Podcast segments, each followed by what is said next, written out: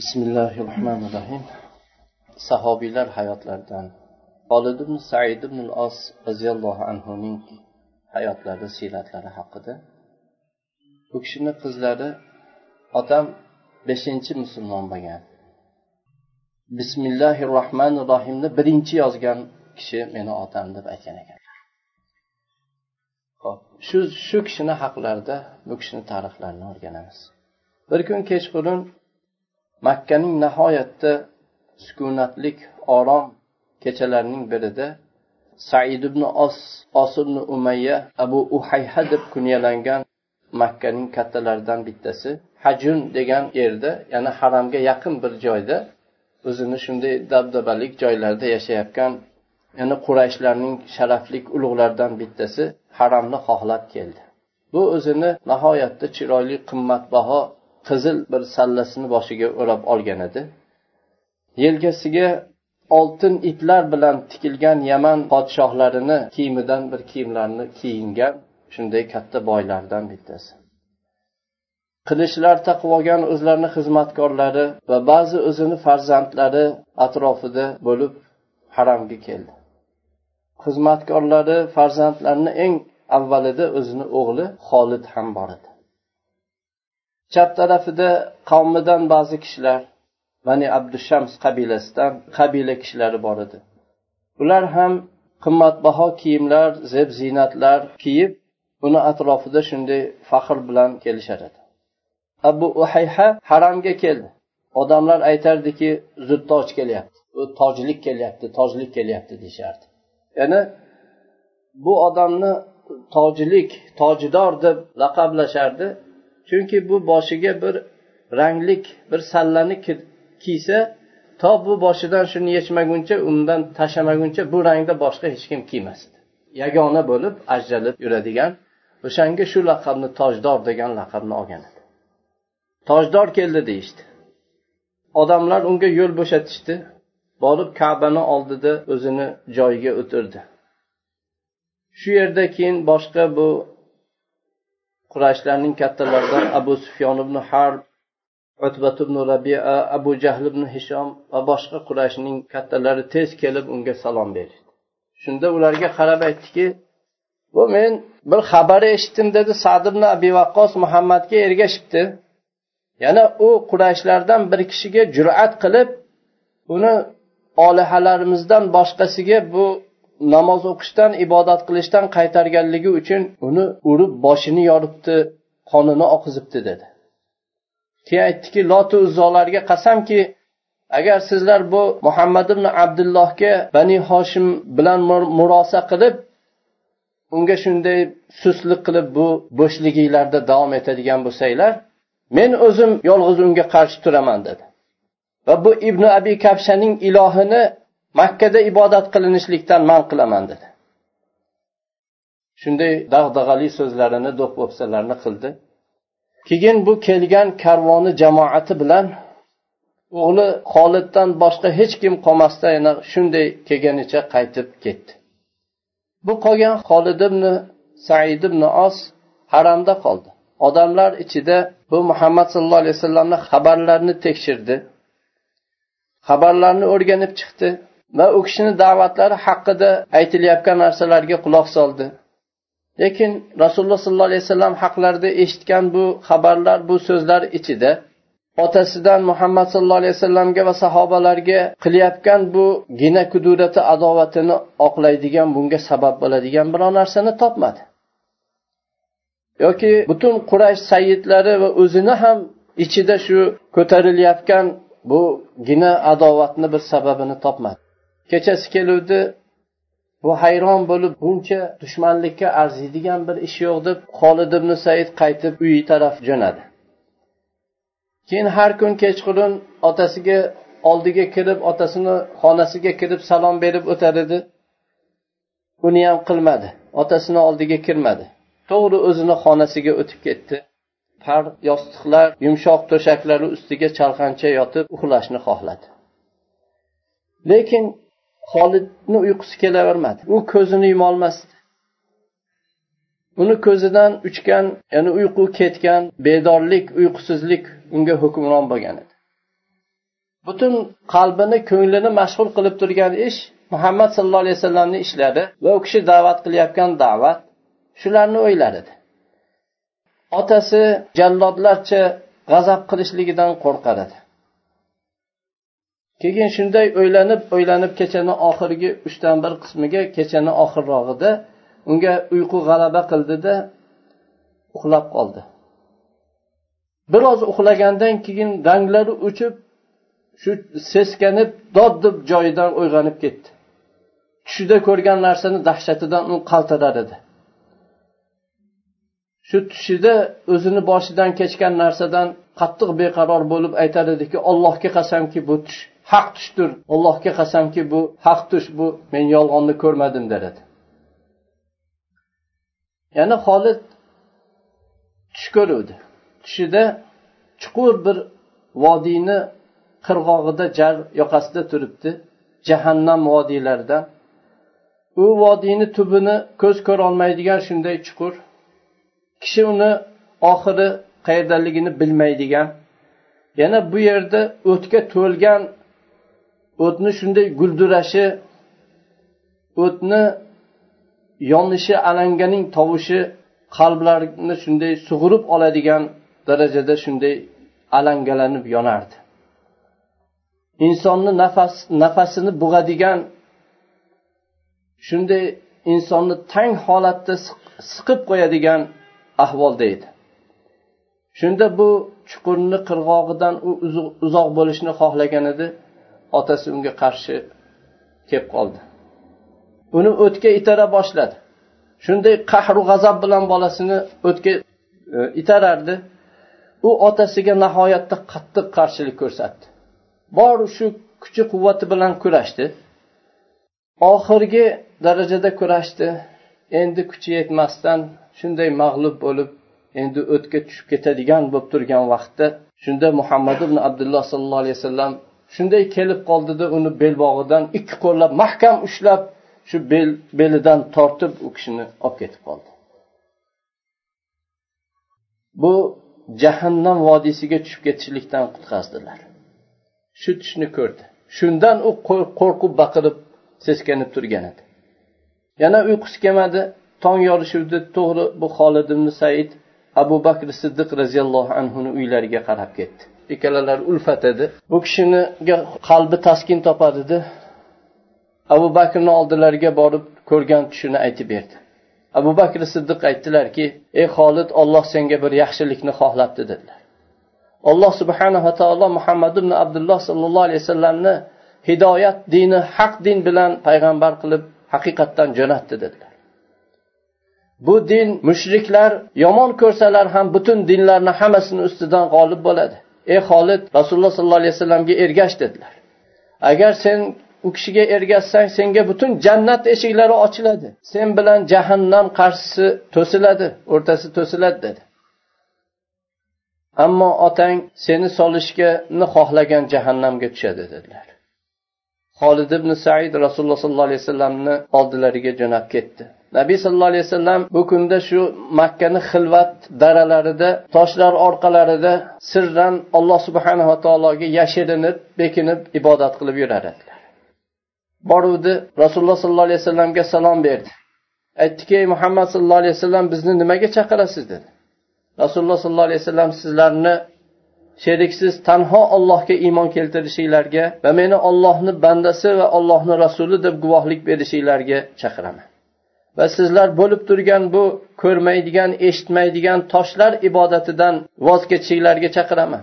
Bu foyda bermaydi zarar bermaydi. O'ziga ibodat qilayotganlar bilan undan yuz o'girganlarni farqiga bormaydigan bir toshdir bu dedilar. Shunda xolidni yuzi yorishdi. Ashhadu an la ilaha illalloh va anna va annaka abdullohi va rasuluh. Guvohlik beramanki Allohdan boshqa haq ma'bud yo'q. Va albatta siz Allohning bandasi va rasuli deb guvohlik berdi. Holid ibn said ibn os shu kunda islomni yer yuzida islomni qabul qilgan besh kishini biri yoki olti kishini biri edilar chunki bu katta bir Allohning fazliga bu kishidan oldin hadicha roziyallohu anhu zayd ibn horisa ali ibn abi tolib abu bakr siddiq sad ibn abi vaqqoslardan boshqa boshqa hech kim bu kishidan oldin o'zib ketmagan edi. Ularni hammalaridan alloh rozi bo'lsin. Holid ibn said o'zlarini otalarini bunday dabdabali qasrlaridan voz kechdi. Shu hajun haramni yaqinidagi makkani yuqori tarafidagi bu qasridan va o'zini nihoyatda ziyofatlik farovon hayotidan voz kechdi. Nozu ne'matlik maishatlardan yashashdan voz kechdi. Rasululloh sollallohu alayhi vasallamga borib qo'shildi. Rasululloh sollallohu alayhi vasallam bilan sahobalari bilan makka daralari ichida yurardi. U iymon shuuridan iymon hissiyotidan o'ziga bir rohat lazzat topar edi. Nabiy sollallohu alayhi vasallamga nozil bo'lgan qur'on oyatlarini yodlar edi. Qurayshlarni ozoridan qo'rqib allohga ibodat qilar edi. Yashirin ibodat qilar edi. Uyiga kelmay qo'ydi. Uzoq ketgandan keyin otasi xolidni izladi. Topolmagandan keyin o'zini josuslarini u kishini orqasidan yubordi. Keyin xabar keldiki xolid islomni qabul qilib muhammadga ergashibdi degan xabar keldi. Bu makkaning sayyidi tamom o'zini es hushini yo'qotdi. Bu hech qachon bu bolalarimdan bittasi menga qarshi shunday jur'at qiladi. Bu saltanatimga buni hukmronligimga qarshi chiqadi. Lotu uzzolariga kofir bo'lib bu muhammad sallallohu alayhi vasallamga ergashib ketadi deb xayoliga ham keltirmagan edi. O'zini xizmatkori va ikkita o'g'lini abbon va umarlarni qo'shib tez xolidni olib kelinglar deb yubordi. Ular borishuvdi. Daralarning ba'zi bir joyida xolid namoz o'qir edilar bu namoz ularni qalbini larzaga soldi. Ularni qalbiga bir rohat xotirjamlikni to'ldirdi. Ularning ko'ngillariga bir amonlik bir salomatlikni to'ldirdi. Ular borib xolidga ey xolid otang seni uchrashishlikka chaqiryapti dedi. Sen izinsiz uyni tashlab ketganingga juda qattiq g'azab bilan darg'azab bo'lib turibdi dedi. Xolid ular bilan birga ketdi.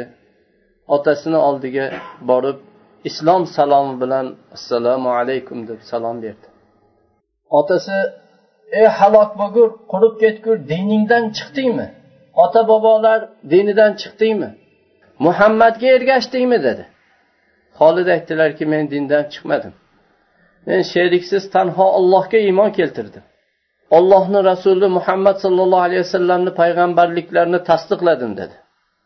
Va sizlar ollohni qo'yib ibodat qilayotgan mana bu butlardan kechdim shunda otasi qurib ketgur ey holingga voy dedi. Sen bu da'vogarni tasdiqlab shunday deysanmi? dedi. Holid aytdilarki bu da'vogar emas u kishi. U kishi sodiq robbisini risolatini yetkazyapti.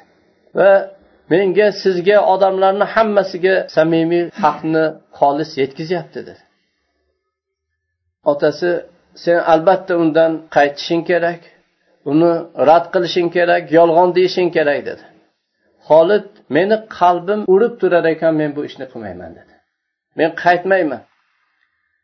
Unda men seni tamoman rizqingdan seni mahrum qilaman dedi.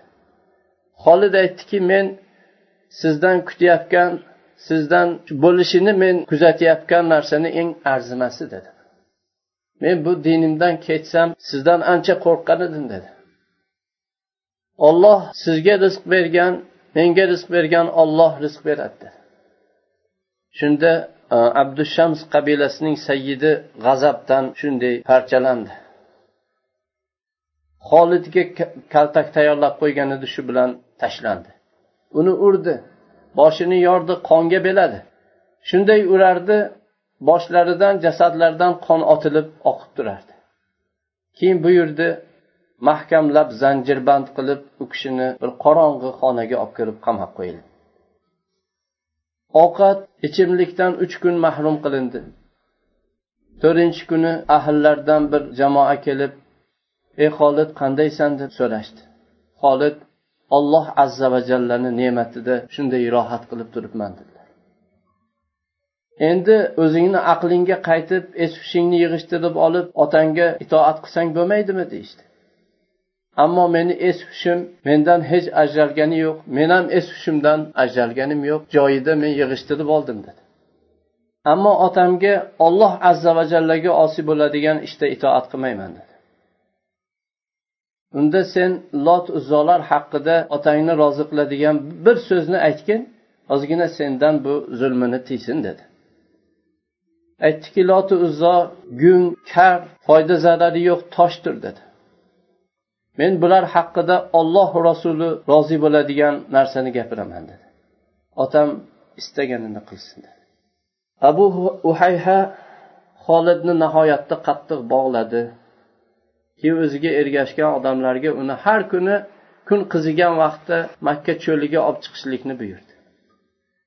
Quyoshda qizib turgan toshlar ichiga tashlab qo'yishni buyurdi. Uni qachon olib chiqib shunday issiqqa tashlab qo'yganda alhamdulillahi akramani bil iymon meni iymon bilan shunday hurmatli qilgan islom bilan meni aziz qilgan allohga hamd bo'lsin deb hamd aytardilar. Bularni hammasi otam meni unga otishni xohlagan jahannamning azobining bir lahzasidan ko'ra menga arzimasdir dedi olloh o'zini payg'ambari o'zini habibi sollallohu alayhi vasallamni mendan butun musulmonlardan yaxshi bir mukofot bilan mukofotlasin der edi keyin xolid roziyallohu anhuga bir fursat keldi. Otasi qamog'idan u kishi qochib qutulib chiqdi. Rasululloh sollallohu alayhi vasallamni oldilariga borib u kishi bilan birga yurdi. Undan keyin xolidni ikkita akasi umar abon ular ham xolidga yetib oldi. Ular ham xolid bilan birga bu nur yaxshilik karvoniga qo'shildilar. Shu vaqtda bu abu uhayha nima qilishini bilmay tamom tushkunlikka tushdi. Aytardiki loti uzzolarga qasamki men mol dunyoyimni makkadan uzoqroqqa olib ketaman. Bu menga yaxshiroqdir dedi.